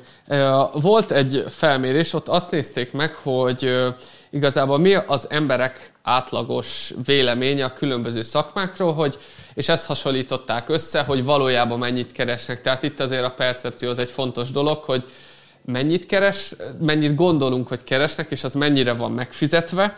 És uh, itt a top 5, az, uh, ami úgy gondolták, hogy igazándiból túl van fizetve, az a következő szakmák voltak. A bankár, az ügyvéd, az önkormányzati képviselő, a marketinggel foglalkozók, illetve a programozók. Tehát, hogy ők alapvetően eleve sokat keresnek. Nyilván nincs, vagy nem meglepő szintén az, hogy akik sokat keresnek, azokról sok általában többen gondolják azt, hogy túl is vannak fizetve, de például vannak olyan szakmák, például a légiforgalmi irányító, ami köztudottan egy nagyon stresszes, illetve nagyon nagy tudással kell rendelkezni. Láttam a Breaking Bad-et én is. Le is a gép. Na, látod, igen. Igen, hogy ott például ezt nem gondolják túl fizetetnek, pedig annak ellenére az egyik legjobban fizetett szakma uh, itt, itt például Magyarországon. Nyilván ezek fehér adatok, tehát hogy itt ebben nincs benne a szürke gazdaság, fekete gazdaság, Mondjuk ami... Elég nehéz uh, légiforgalmi irányítózni feketén. Rá, a walkie-talkie rácsatlakozol, és akkor így valamelyik másik kifutópályára. Szóval a kifutópálya? Nem tudom, én otthon vagyok most, de tudom én. Ki, ki Kettő perc múlva vissza tud csörögni, és most nem alkalmas. A lista alján pedig a, az ápolók helyezkednek el, az óvodapedagógusok, a könyvtárosok, a gondozók, a szociális gondozók és a postások. Már melyik lista ez, bocsánat, akiről ez a, azt gondolják, a, hogy keveset keresnek, vagy akik tényleg keveset nem, keresnek? akik, tehát hogy ők gondolják, vagy őróluk gondolják azt, hogy alul fizetettek. Tehát az az első... Mondjuk a felsőben nem annyira találták el, az alsó részt nagyon eltalálták. Igen, vagy. tehát hogy a, a felső, tehát nyilván meg azért ezt is nehéz egy kalap alá venni, hogy most egy bankár, egy ügyvéd, egy meg pénzügyi... a marketinges. Tehát I... mit jelent az, hogy a marketinges? Igen. Tehát, hogy van olyanok, akik tényleg annyira jó meglátásai vannak, rengeteg százalékot tud mondjuk egy-egy jó kreatív kampányt csinálni, nyilvánvalóan az, az teljesen más lesz, mint hogyha csak az, hogy lőjük fel a hirdetéseket, aztán majd pörög, tehát, és ugye itt egy kalap alá vannak véve, és, ami, és itt is, hogy mondjuk egy programozó, az is azért eleve ott van, hogy mondjuk ilyen apró dolog, hogy ilyen tudásszint, tapasztalat. Tehát, hogy mondjuk egy két éve programozó emberke versus egy 15 éve programozó emberke, aki mondjuk háromfajta vagy full stackbe is ismerős, nyilvánvalóan ő aztán teljesen más pénzeket, Csak meg én, béreket én, tud én úgy, úgy érzem, hogy ő például a programozónál azért érzik az emberek, az IT szakemberek, hogy ezek nagyon túl, túl vannak fizetve, meg a marketinges is talán azért van ide, mert ha belegondolsz, akkor itt az ország az úgy nevelődött, hogy itt kétkezi munkával kell építeni. Ez a hülye programozó, igen, ez a hülye programozó, meg mi az már, hogy ül egy számítógép előtt, aztán két-három millió forintokat keres havonta. Hát Úgyhogy a... dolgoz heti 20-30 órát. Azt is akkor, amikor akar. Hát ez is. Hát ez... Az meg a már, hát onnan, ahonnan akar, az igen, meg a tehát, másik. Hogy ezért, ez, szerintem ezért mondják, hogy túlfizetett, pedig aztán látod, hogy kerestet kínált alapon ha megfizetik ennyire a munkáját, egy olyan tudás, amíg gyakorlatilag egy globális versenyszférába el tudsz vele helyezkedni, mert a programozási nyelvet megtanulni, az gyakorlatilag olyan, mintha megtanulnád a világ egyik univerzális nyelvét, amit annyian beszélnek, mint mondjuk az angolt, vagy még Igen. többen is. Tehát egyszerűen meg... nagyobb, nagyobb piacra van elérésed, akkor nem meglepő, hogy jellemzően azért nagyobb bevételeket is tudsz generálni, de ami vannak még itt érdekességek, hogy például melyik az a szakma, ami a, úgy gondolják, hogy az emberek, 30% az emberek szerint túl van fizetve, a 37% a megfelelő bérezés, és 11% hogy alul fizetett papok. A papoknak van fizetése. Én, én nem, nem, is nem, tudtam. Én nem tudom, hogy ők, ők, ők mi alapján vannak, vagy, vagy nekik is adóbevallás, vagy, vagy ez mellé, egy szak... Következő ez... mellékes extrába a Hudász Andrást elhívjuk, hogy ez hogy működik a pap. De a papok fizetése de én, az tényleg, az de én most tényleg nem tudom, hogy ez, ez hogy megy, de, de itt van ebben a felmérésben, hogy hogy ők, nekik van jutalékuk a Vagy ilyen MLM hogy a beszervezed a izét. Affiliét. A, Marika néni a diakónusokat, jön. meg a kispapokat, akik akkor az majd az ők. Itt föl lehetne építeni egy újabb egyházat, ilyen MLM affiliét rendszeres Körbe, a terminált küldött körbe, nem a kis kosarat a mise közben. Igen, tehát hogy e- e- ez nálam meg, meglepő, vagy meglepett, hogy ez ilyen van, de itt például vannak az orvosok is, ami Azért megint most egy kicsikét érdekes téma, hogy ugye az, például az ilyen blokkolóra, hogy le kell csippantani majd a kártyájukat, amikor bemennek dolgozni, van ilyen tervezet is, hogy aztán tényleg kiderül, ki, melyik orvos hány órát dolgozik, stb.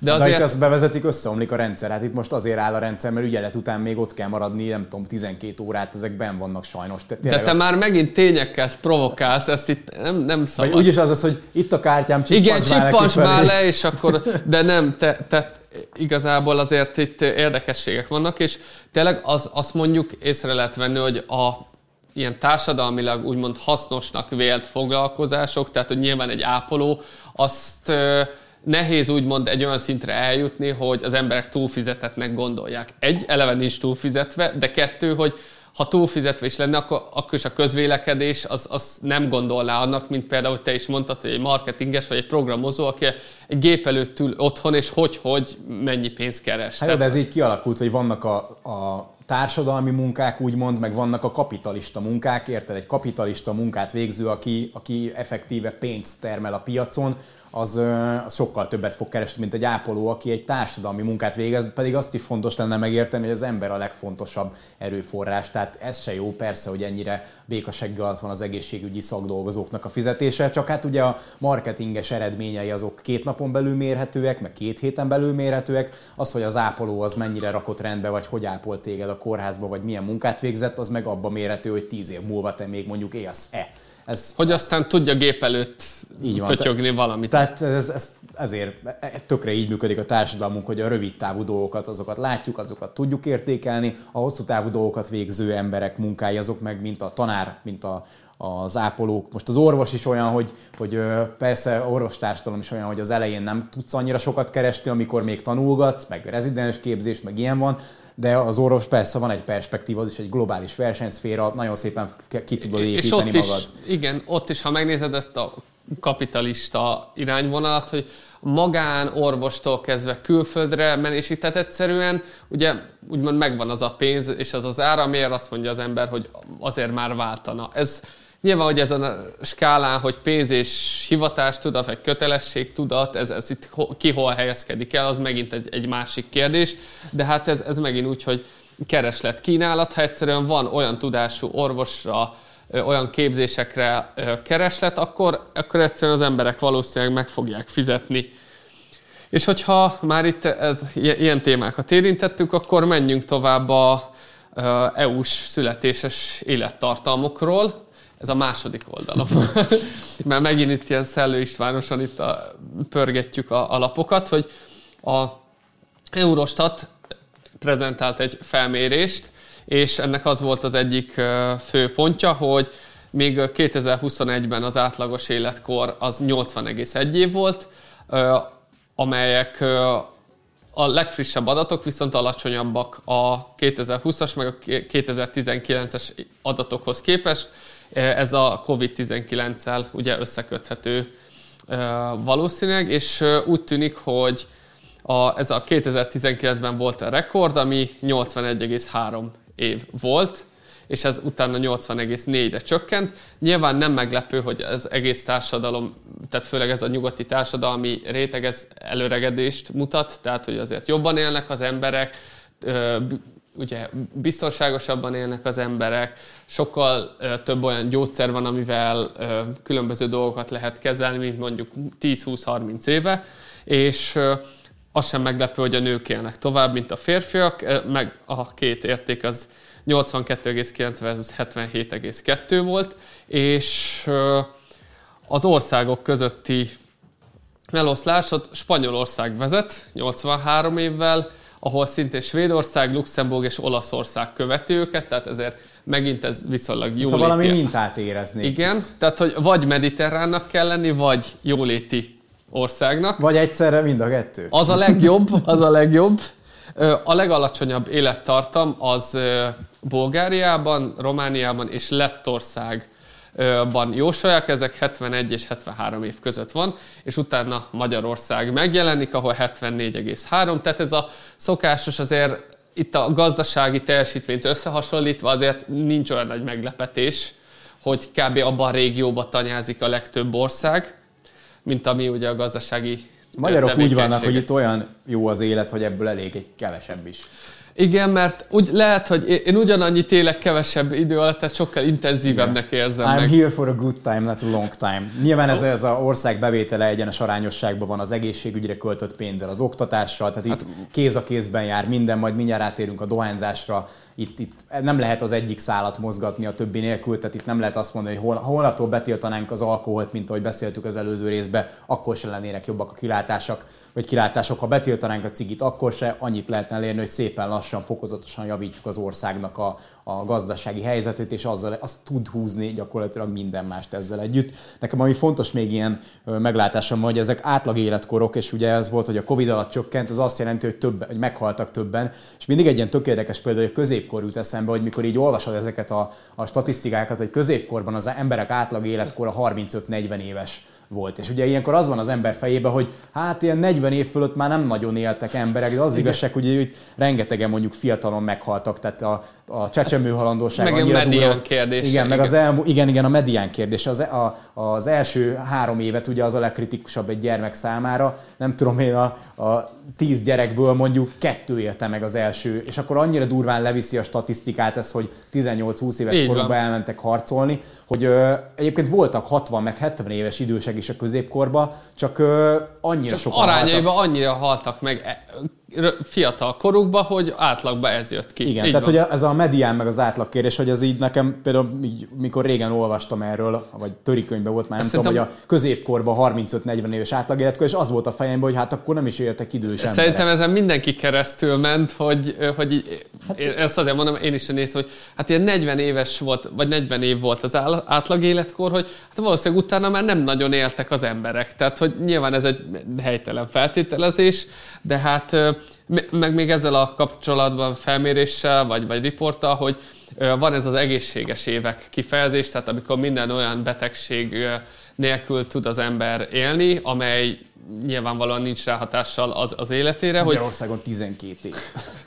Igen, utána elkezd a realitás arcon csap, és nem, nem, nem.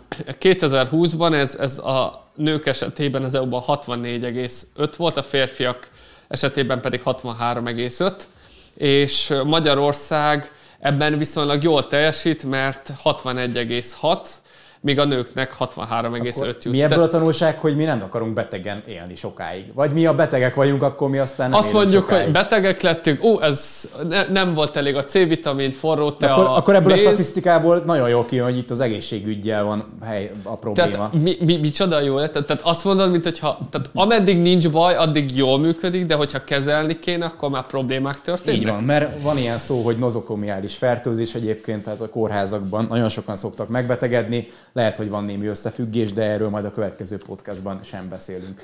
Igen, a, a következő orvosi extrában fogunk beszélgetni, és hogyha ezt az irányvonalat tovább visszük, akkor kijött egy másik felmérés is, amely a dohányzási szokásokat mm, taglalja. Itt pedig az, azért akad el a szavam, mert jelenleg Máté Ioszkáva felmos, ami ne, nehéz komolyan venni közbe, és azért, tehát itt nézem, hogy pontosan mi vagy, az Egyesült Királyságban indult egy olyan kezdeményezés, amely arról szól, hogy az embereket a cigiről átszoktassák legalább az elektromos cigarettára, ami már kevésbé vészes. Bár, bár, bár nem vá- úgy volt az elbárok esetén, hogy ez sokkal károsabb?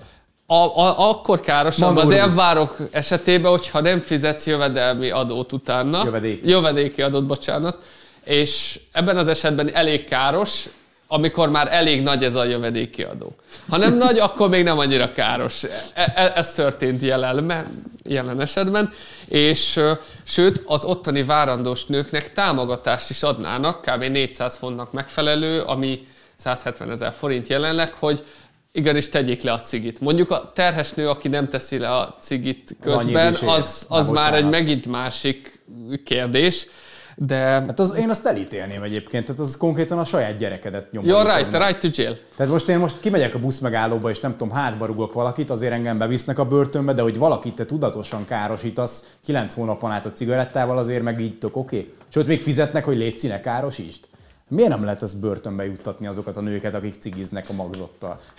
Erről majd a következő podcastban beszélünk. Igen, az a, az a mellékes radikális extra lesz.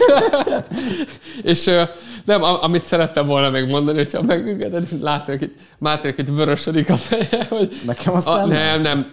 Az Eurostat adatai szerint az EU lakosságának 19,7%-a dohányzik naponta, ami ugye nem néz ki számon 5-ből egy ember, szóval effektíve, hogyha rajt te ismersz négy embert, akkor statisztikailag valakinek dohányoznia kell közületek, és ami durva, hogy a 6%-uk napi 20 vagy annál több szál cigarettát ö, szív ö, el. Ami azért egy kicsikét szerintem, Az egy doboz. az egy doboz. Vagy most és- nem tudom a ciginél, hogy megy, mert ott is csökkentgették Hát, mert szépen lassan. 19 Igen. van benne ezeket, igen. És a legtöbbet ö, dohányzó ország Európában Bulgária, utána jön Törökország, Görögország és Magyarország. Tehát ott is azért az élmezőnyben vagyunk, ami szép teljesítmény, vagy De azért százalékosan is mondd el, hogy Igen, 25,8 százalék. 25,8 százalék, ami ugye ez a négyből egy. És ugye ez a Tehát felnőtt korú lakosság 25,8 Mármint reméljük. Reméljük, igen.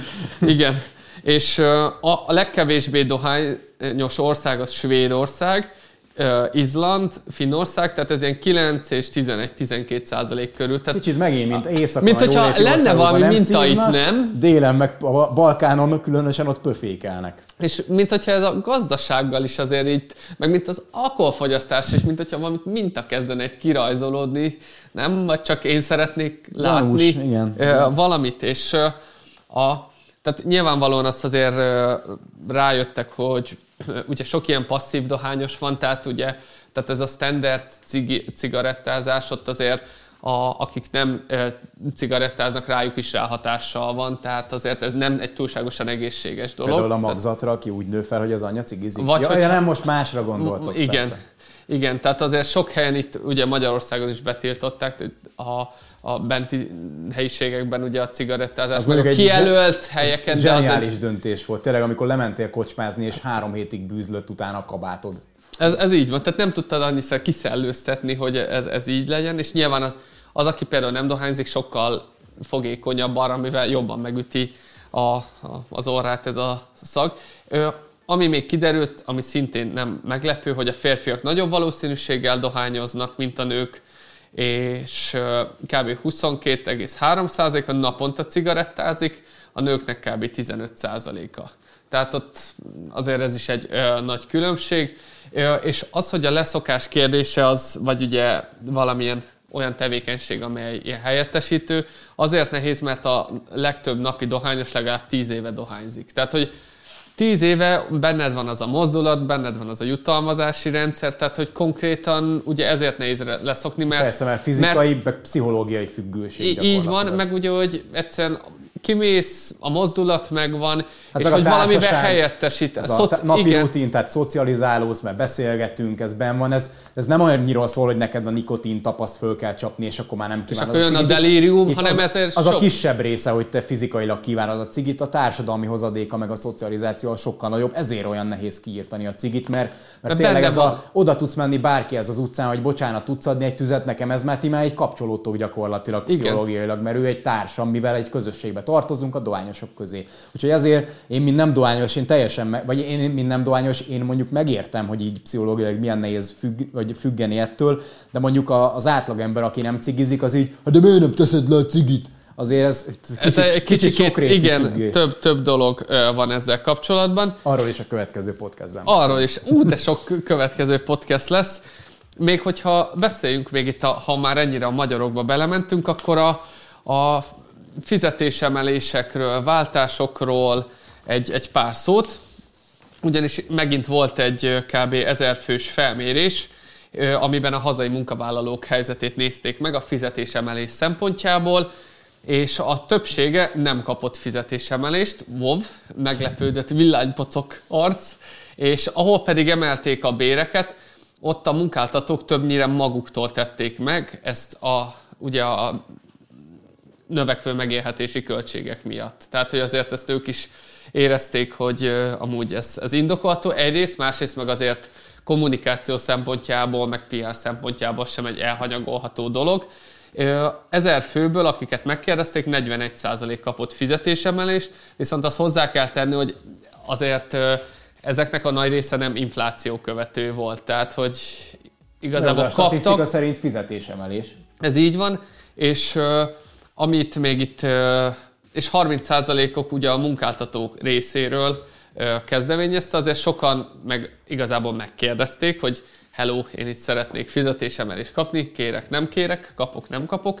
Hát jó, de és... sem mindegy, hogy csinálod, mert ez a kalap tördelve. Eh, Persze. főnök úr, hát én csak egy, bocsánat, hát, igen, hogy az iránt nem... érdeklődnék tisztelettel, hogy hát tudja milyen ez a helyzet, meg hogy a, esetleg nem -e lehetne tán e, hogy én elfizetés... Ho nem! De bocsánat, akkor megyek is már. Tehát meg van igen. a másik, aki... Ő, azt, hogy van munkát. Igen, van a másik, aki kockáztat, azt mondja, hogy három igen. másik állás lehetősége igen. van, meg a monitoron a profession.hu-t ott hagyod meg. Megcselitek, vagy itt akkor aláírjuk a felmondást, és akkor Nyilván ezzel a kettő között is akadnak emberek, de ez, ez a skála két része. Igen, csak és... a szitek gondolkodnak véletekben.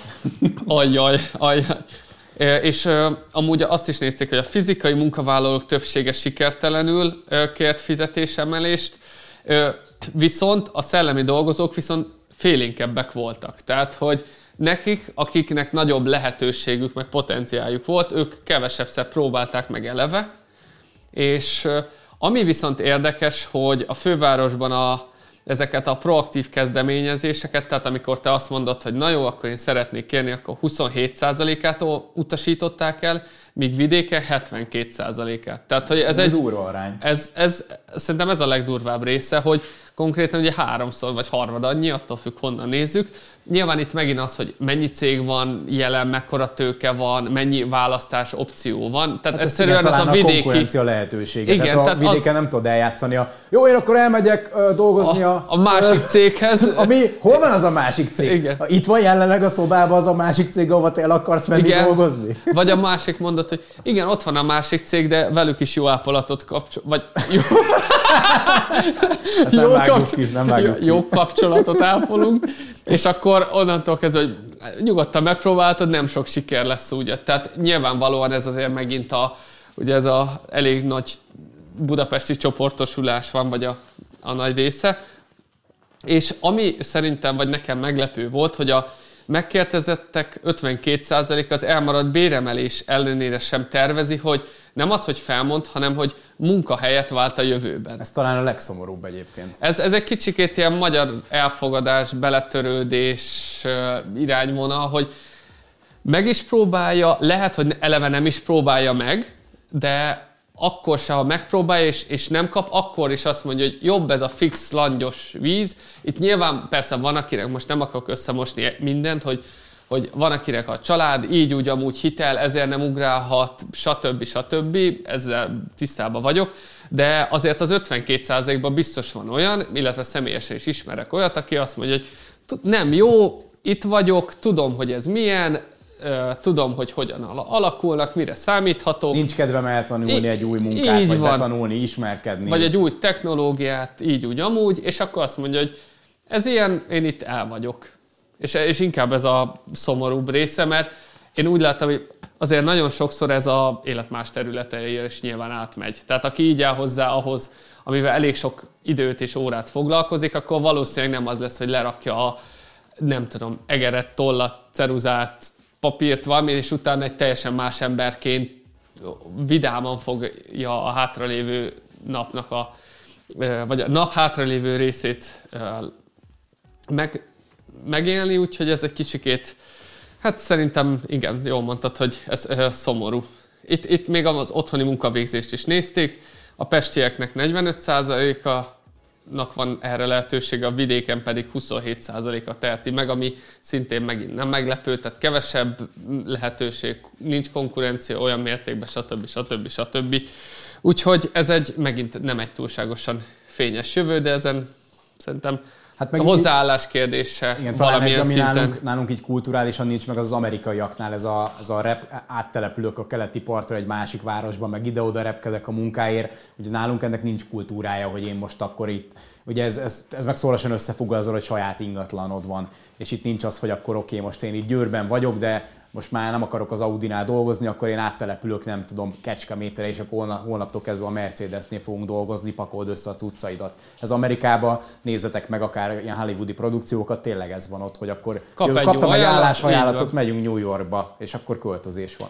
Itt nálunk semmi ilyesmi nincsen, ez a statisztika is mutatja, meg hát ez, hogy mondjam, ezért itt nagyon sok évig ez nem a lehetőségek országa volt, ez majd ki fog alakulni szerintem itt is, mert Európában már azért ez jellemző, nekünk még, mi vele vagyunk jó pár évvel maradva, még egy 20-30 év itt nálunk is úgymond tök normális lesz az, hogy te bérelsz egy lakást Szegeden, de most költözni fogsz a munka miatt, és átmész mondjuk Pestre, aztán ott két év után meg költözöl, nem tudom, egy európai országba. Ne, ne, én, én személyesen is ismerek ilyen embert, aki például Hollandiába dolgozik, de ott van két hetet, három hetet, és itt, utána egy hetet itt, meg két hetet itt, és így ilyen két laki életet él. Nyilván ennek megvan az előnye, hátránya, ha szeretne ott is tudna lenni, ha szeretne itt is tudna lenni, de egyszerűen olyan, hogy erre már van lehetőség. 10-20 éve konkrétan ez még fel sem merült, hogy egyáltalán ilyen opció van-e. És hogyha az ilyen mm, pár éve még nem voltak dolgok, akkor a ChatGPT-ről még beszéljünk egy pár szót. Ott is a, annyi magyar vonatkozása van, hogy a Nemzeti eh, Kibervédelmi Intézet egy ChatGPT jelentést tett közzé. A ChatGPT-ről már amúgy eléggé sokat beszéltünk, hogy hogy kitalál dolgokat, eh, hogy aztán meghamisít dolgokat, olyat is mond, ami nem létezik, stb. stb. Átvette az uralmat, de azért eh, ez egy viszonylag objektív jelentés lett, és inkább azt nézték meg, hogy mire lehet használni, illetve mire nem. És az, hogy ez a mire lehet használni, arra már szerintem nagyon sok minden példát is láttatok, hogy rengeteg mindent lehet videóktól, szövegig, deepfake-től kezdve generálni bármit. Inkább ami, vagy a negatív része, erről is szintén beszéltünk, hogy az olaszországi betiltás, hogy itt jogvédelmi dolgokkal vannak problémák, illetve amit itt ők is mondtak, hogy az álhírek terjesztése, ami nem meglepő dolog, mert nyilván propagandának az egyik, nem Magyarországon, csak de, de a világ többi felén is, ugye ott is egy áhírek, vagy áhír, vagy olyan formában van tálalva, ami egy bizonyos jellegű irányt sugal, és ez egyre nagyobb problémát okoz az utóbbi időben, és ugye az emberek elhiszik ezeket, legtöbbször eleve elég csak egy clickbait címre gondolni, sokan elolvassák azt, és akkor már azt tényként kezelik, miközben a cikkbe teljesen más van, más van írva, és a chat, GT, chat GPT már nagyon diszlexiás vagyok valami miatt, és a ChatGPT ez, ez tovább súlyosbíthatja, mert szeret tényleg kitalálni dolgokat, és nagyon meggyőzően tudja előadni. Ezeket azért jellemzően toltozgatják, foltozgatják, de mivel ez egy tanulási modell, a szöveg kontextusát próbálja értelmezni, és például azért ott is lehet vicces dolgokat csinálni vele, hogy például, hogyha megkérdeznéd azt, hogy mondjon, meg, mondjon neked pár torrent oldalt, akkor nem tudná teljesíteni, mármint, hogy nem teljesíteni, mert hogy azt mondja, hogy ez illegális, ez nem. Viszont, hogyha azt mondod, hogy de szeretnél pár olyan oldalt, amelyet mindenképp érdemes elkerülnöd, mert vagy illegális, vagy olyan tartalom van rajta, és hogy mik a legismertebbek, akkor persze tudok neked segíteni, itt van az a következő öt. Meg ha esetleg nem szeretném felhasználni egy enkor meghívót, tudnál -e nekem szerezni valahonnan? Igen, igen, és hogy ez az ilyen álhírek terjesztése, illetve ez az ilyen kiátszás, ez azért ö, ugye kicsikét ilyen rossz indulatú vagy rossz szándékkal is ö, lehet ám ö, használni. A másik az, hogy ugye az ilyen spammelések, illetve a weboldalak lekopizása, nagyon sok olyan ilyen phishing website van, ami egy az egyben úgy néz ki, mint mondjuk a maga tegyük fel az OTP oldala, e, egy az egybe azt e, átveszik, viszont nyilván itt arra törekednek, hogy megszerezzék a belépési adatokat, bankkártya adatokat, amit utána nyilván nem nézel elképzelni, hogy mit szeretnének vele csinálni, és konkrétan ugye ebbe is effektíve tud segíteni, Nyilván ő nem azzal a célra, hogy te ezt megcsináld, de, de azzal, hogy magát le tud másolni, csak megint úgy kell megfogalmazni, hogy ugye a kontextusa az legyen.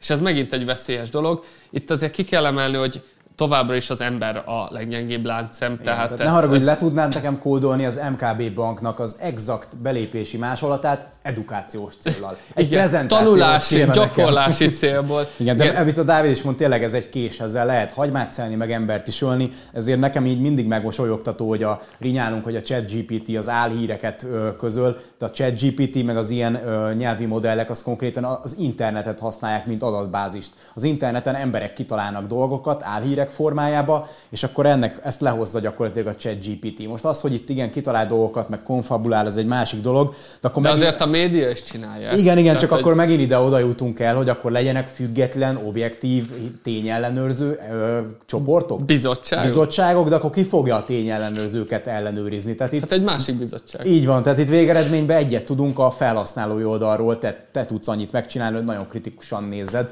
Csak ugye, amit igen, itt a, például az OTP logines screen, akkor marad maradjunk ennél, már egyre nehezebb, mert például az is meg tudják csinálni, hogy konkrétan a böngésző sávban ugyanaz legyen a cím, úgy nézzen ki, mint hogyha az OTP-nél lennél. Tehát Uh, tehát egyre nehezebb lesz, tehát kifinomultak, kifinomultabbak lesznek a megoldások, és igen, a, eljutottunk lassan tényleg oda, hogy ez nem kell valami különleges programozói képesség, hogy te meg tudsz csinálni ezeket a dolgokat, egyféleképpen tudsz védekezni, uh, utána kell járni mindennek, ha valami túl szép, hogy igaz legyen, azt meg nem szabad soha elhinni. Ez, ez így van, ez az egyik, a másik meg, hogy kérdezni kell, tehát hogyha valami gyanús, akkor az val- valószínűleg ott valami kis furcsaság van, illetve például a weboldalaknál van ott a titkosítás, ez a, ugye a HTTPS, úgy kezdődik a weboldal. Ha már nem úgy kezdődik, akkor az már az, az, az, az, az csalás lesz hogy ott van az a titkosítás, ott van egy úgynevezett ilyen tanúsítvány, amely mindig alá van írva, úgymond valakinek, és akkor egy ilyen lakat jellel van általában. Na jó, de most szedd a nem, de... kezed szerinted az 50 vagy 60 év pluszosok, azok megnézik mindig? Akik... Én már elmondtam, akiknek én tudtam, hogy ez tényleg, mert ott oda van írva, hogy ő írta alá ennek, és akkor ott vagy például az OTP-s például, hogy OTP-nek. Tehát ezt nem tudják igazából meghamisítani, Még. mivel jó, a kvantum, a, a kvantum számítógépnél majd vissza, visszatérünk ezekre a, a történetekre. De talán az egy ilyen legősibb trükk egyébként, igen, mikor az O betű a, helyett nullásokat írnak, meg ilyen D betű helyett az, B betű. Igen, az L nagy, helyett nagy I, és akkor ez. Meg a Q-t írnak a G helyett, tehát erre viszont erre érdemes figyelni, igen. hogy ezt, ezt amúgy nem tud észrevenni máshogy, és van, volt már olyan nekem tényleg, hogy konkrétan a böngészősávból ki kellett másolni, egy Word dokumentumba berakni, és egy más betűtípussal Igen. megnézni, hogy az tényleg amúgy olyan-e. Igen, de, de, de tehát, hogy ezekre is használható a ChatGPT, meg például ugye a ilyen malware, ilyen rossz indulatú programokra, hogy ott is nem ír neked egy rossz indulatú programot, vagy nem segít abba, de ha azt kérdezed, hogy ó, mit kerüljek el, hogy mi ne legyen benne a kódomban, mi az, ami minden vírusírtó ugye kiszedne, akkor ugye ezzel ő tisztában van, és azt például már elmondja neked. Tehát, hogy ezt azért megint, ahogy te is mondtad, ez egy kétélű fegyver, nyilván semmi olyan dolgot nem állapítottak meg, ami az ember eldobná az agyát, hogy wow, erre soha nem gondoltam, de, de maga az, az ugyanígy fontos, hogy ez egy olyan dolog, amiben az embereket edukálni kell, mert egyre több ilyen jellegű támadás van. Akár csak egy SMS-eket megnéz, ez a nem érkezett meg a csomag, ja, vegye át, Netflix, Netflix login. Minden, minden héten kapok és akkor megnézem mondjuk tényleg olyan gagyi, hogy egy francia cím, francia számról küldik. Ha egy kicsit szofisztikáltabb módszer lenne, akkor nem tudom, a Netflix kötője login per nem tudom mi.hu-t kapnám, hanem igen, megcsinálnák egy olyat. Ez, ez ilyen level 1-es izé, malware támadás, igen. vagy ilyen izé phishing. Hát, és, és, biztos, hogy vannak, akik azt mondják, hogy ú, DHL csomagja érkezett, ú, micsoda, és akkor megnézik de ez úgy is ki lehet játszani, hogy tudod, hogy nem te fizeted a Netflix accountot, tehát nem jöhet neked, Amúgy hogy hoppá. tényleg nem fizetek Netflix accountot. És mégis jön? Hát ennyi. Hát tényleg ennyi.